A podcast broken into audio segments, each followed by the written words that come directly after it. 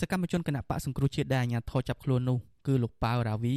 ដែលជាសកម្មជនបកប្រឆាំងនៅឃុំស៊ីធោស្រុកសាច់កណ្ដាលខេត្តកណ្ដាលតឡាការខេត្តកណ្ដាលបានចោទប្រកាន់សកម្មជនរូបនេះពីបទញុះញង់ឲ្យមានភាពវឹកវរធ្ងន់ធ្ងរដល់សន្តិសុខសង្គមប្រពន្ធលោកប៉ៅរាវីគឺលោកស្រីខាត់សឿនប្រាប់វិសុអេស៊ីសរ៉ៃនៅថ្ងៃទី18ខែសីហាថាប៉ូលីសឃុំស៊ីធោ4នាក់បានចាប់ប្តីរបស់លោកស្រីនៅមុខផ្ទះកាលពីថ្ងៃទី6ខែសីហាដោយពុំបង្ហាញពីការនឹងបញ្ជាក់មូលហេតុអ្វីឡើយ ហើយបានបញ្ជូនគាត់ទៅតុលាការខេត្តកណ្ដាលដោយមិនឲ្យគ្រួសារដឹងឡើយលោកស្រីបញ្ជាក់ថាតុលាការបានចោទប្តីលោកស្រីពីបទញុះញង់ឲ្យមានភាពវឹកវរធ្ងន់ធ្ងរដល់សន្តិសុខសង្គមនិងបន្តបញ្ជូនគាត់ទៅឃុំខ្លួននៅពន្ធនាគារខេត្តលោកស្រីបញ្ជាក់ថាការចាប់ខ្លួនប្តីរបស់លោកស្រីនេះគឺដោយសារតែគាត់បានសរសេរអត្ថបទនយោបាយមួយសន្លឹកដែលរិះគន់រដ្ឋាភិបាលនិងគាំទ្រថ្នាក់ដឹកនាំគណៈបកសង្គ្រោះជាតិលោកសំរងស៊ីវិលចូលស្រុកវិញស្ត្រីវ័យ47ឆ្នាំរូបនេះចាត់ទុកការចាប់និងឃុំខ្លួនប្តីលោកស្រីនេះ ថាជារឿងអយុត្តិធម៌បំផុតលោកស្រីស្នើទៅតុលាការឲ្យដោះលែងប្តីលោកស្រីមកវិញដើម្បីជួបជុំគ្រួសារព្រោះគាត់មានជំងឺខ្សោយសតិស្មារតីដែលត្រូវលេបថ្នាំនិងពិនិត្យព្យាបាលពីគ្រូពេទ្យប្រចាំខែទៀតផងចង់ ឲ្យដោះលែងនឹងខ្ញុំវាមិនដឹងទៅពឹងពាក់អីណាអីណីអីចឹងខ្ញុំអត់ដឹងនឹងនិយាយរួមទៅខ្ញុំតឯងខ្ញុំរស់នឹងខ្ញុំអត់ណាលោកគ្រូពឹងគាត់នឹងបដ ாய் នឹងរស់ស៊ីចាំណាប៉ុន្តែខ្ញុំទៅហើយទៅបកគេស្រែកយំយ៉ាងណាក៏គេអត់ដោះលែងដែរហើយខ្ញុំយកសបុតបស័យប្រសាទដេញថ្នាំបើកនឹងក៏គេអត់ព្រមដែរលោកស្រីខាន់សឿនឲ្យដឹងទៀតថា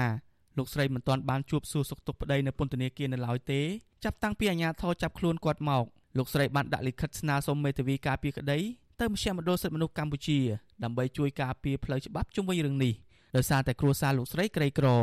វិសុអាស៊ីសេរីមិនអាចតាក់ទងស្នងការប៉ូលីសខេត្តកណ្ដាលលោកខឿនសុចិត្តនិងអធិការនគរបាលស្រុកខ្សាច់កណ្ដាលលោកម៉ែនសុខឿនដើម្បីសាកសួរព័ត៌មានអំពីការចាប់ខ្លួននេះបានទេនៅថ្ងៃទី18ខែសីហា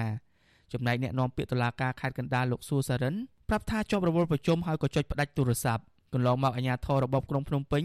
បានចាប់ខ្លួនសកម្មជននយោបាយសកម្មជនសង្គមនិងយុវជនដោយលាក់បាំងព័ត៌មានជូនមិនបង្ហាញទៅការឬក៏មិនបានជូនដំណឹងទៅក្រុមគ្រួសារពួកគេឲ្យបានដឹងនោះឡើយករណីនេះតតែអ្នកដែលត្រូវចាប់ខ្លួននោះហៅទូរស័ព្ទចេញពីពន្ធនាគារមកវិញទើបគ្រួសាររបស់ពួកគាត់បានដឹងអំពីការចាប់ខ្លួនទាំងនោះជុំវិញរឿងនេះប្រធានសមាគមការពារសិទ្ធិមនុស្សអាត់ហុកលោកនីសខាមានប្រសាសន៍ថាការដែលសមត្ថកិច្ចមិនបង្ហាញដោយការចាប់ខ្លួនឬមិនប្រាប់ពីមូលហេតុនៃការចាប់ខ្លួនក្នុងករណីមិនមែនជាបទល្មើសជាក់ស្ដែងនោះ គឺជាការអនុវត្តខុសនីតិវិធីច្បាប់ដែលធ្វើឲ្យប៉ះពាល់ដល់សិទ្ធិរបស់ពួកគាត់លោកបញ្ជាក់ថាក្នុងសង្គមប្រជាធិបតេយ្យពលរដ្ឋមានសិទ្ធិសេរីភាពបញ្ចេញមតិនិងសេរីភាពក្នុងការចូលរួមសកម្មភាពនយោបាយនិងសកម្មភាពសង្គមនានា យើងដឹងហើយថាសិទ្ធិមានមេធាវីគឺជាសិទ្ធិស្របច្បាប់របស់ជនជាប់ចោតអញ្ចឹងជនជាប់ចោតណាក៏ដោយត្រូវតែមានមេធាវីនៅចំពោះមុខការសួរដេញដោលរបស់តុលាការបើសិនជាគាត់មិនមានមេធាវីទេអានេះវាជាធ្វើឲ្យមានការប៉ះពាល់ទៅដល់សិទ្ធិរបស់ពួកគាត់ហើយជនជាប់ចោតមានការយល់ដឹងអំពីច្បាប់តិចតួចឬក៏អ្នកខ្លះគាត់មិនមានការយល់ដឹងអំពីផ្លូវច្បាប់អញ្ចឹងទេពេលដែលមានការសាកសួរដេញដោលហ្នឹងគេតម្រូវឲ្យមានមេធាវីនៅក្នុងការការពារទៅដល់សិទ្ធិរបស់ពួកគាត់ មកដល់ពេលនេះសកម្មជននយោបាយសកម្មជនបរិស្ថានសកម្មជនសង្គមនិងយុវជនជិត80នាក់ហើយដែលត្រូវអាជ្ញាធររបបក្រុងភ្នំពេញចាប់ខ្លួនដាក់ពន្ធនាគារជាបន្តបន្ទាប់ដោយសារតែការអនុវត្តសិទ្ធិសេរីភាពក្នុងសង្គមនិងតាមបណ្ដាញអ៊ីនធឺណិតតុលាការបានចោទប្រកាន់ពួកគេពីបទរួមគំនិតក្បត់ញុះញង់និងប្រមាថថ្នាក់ដឹកនាំជាដើម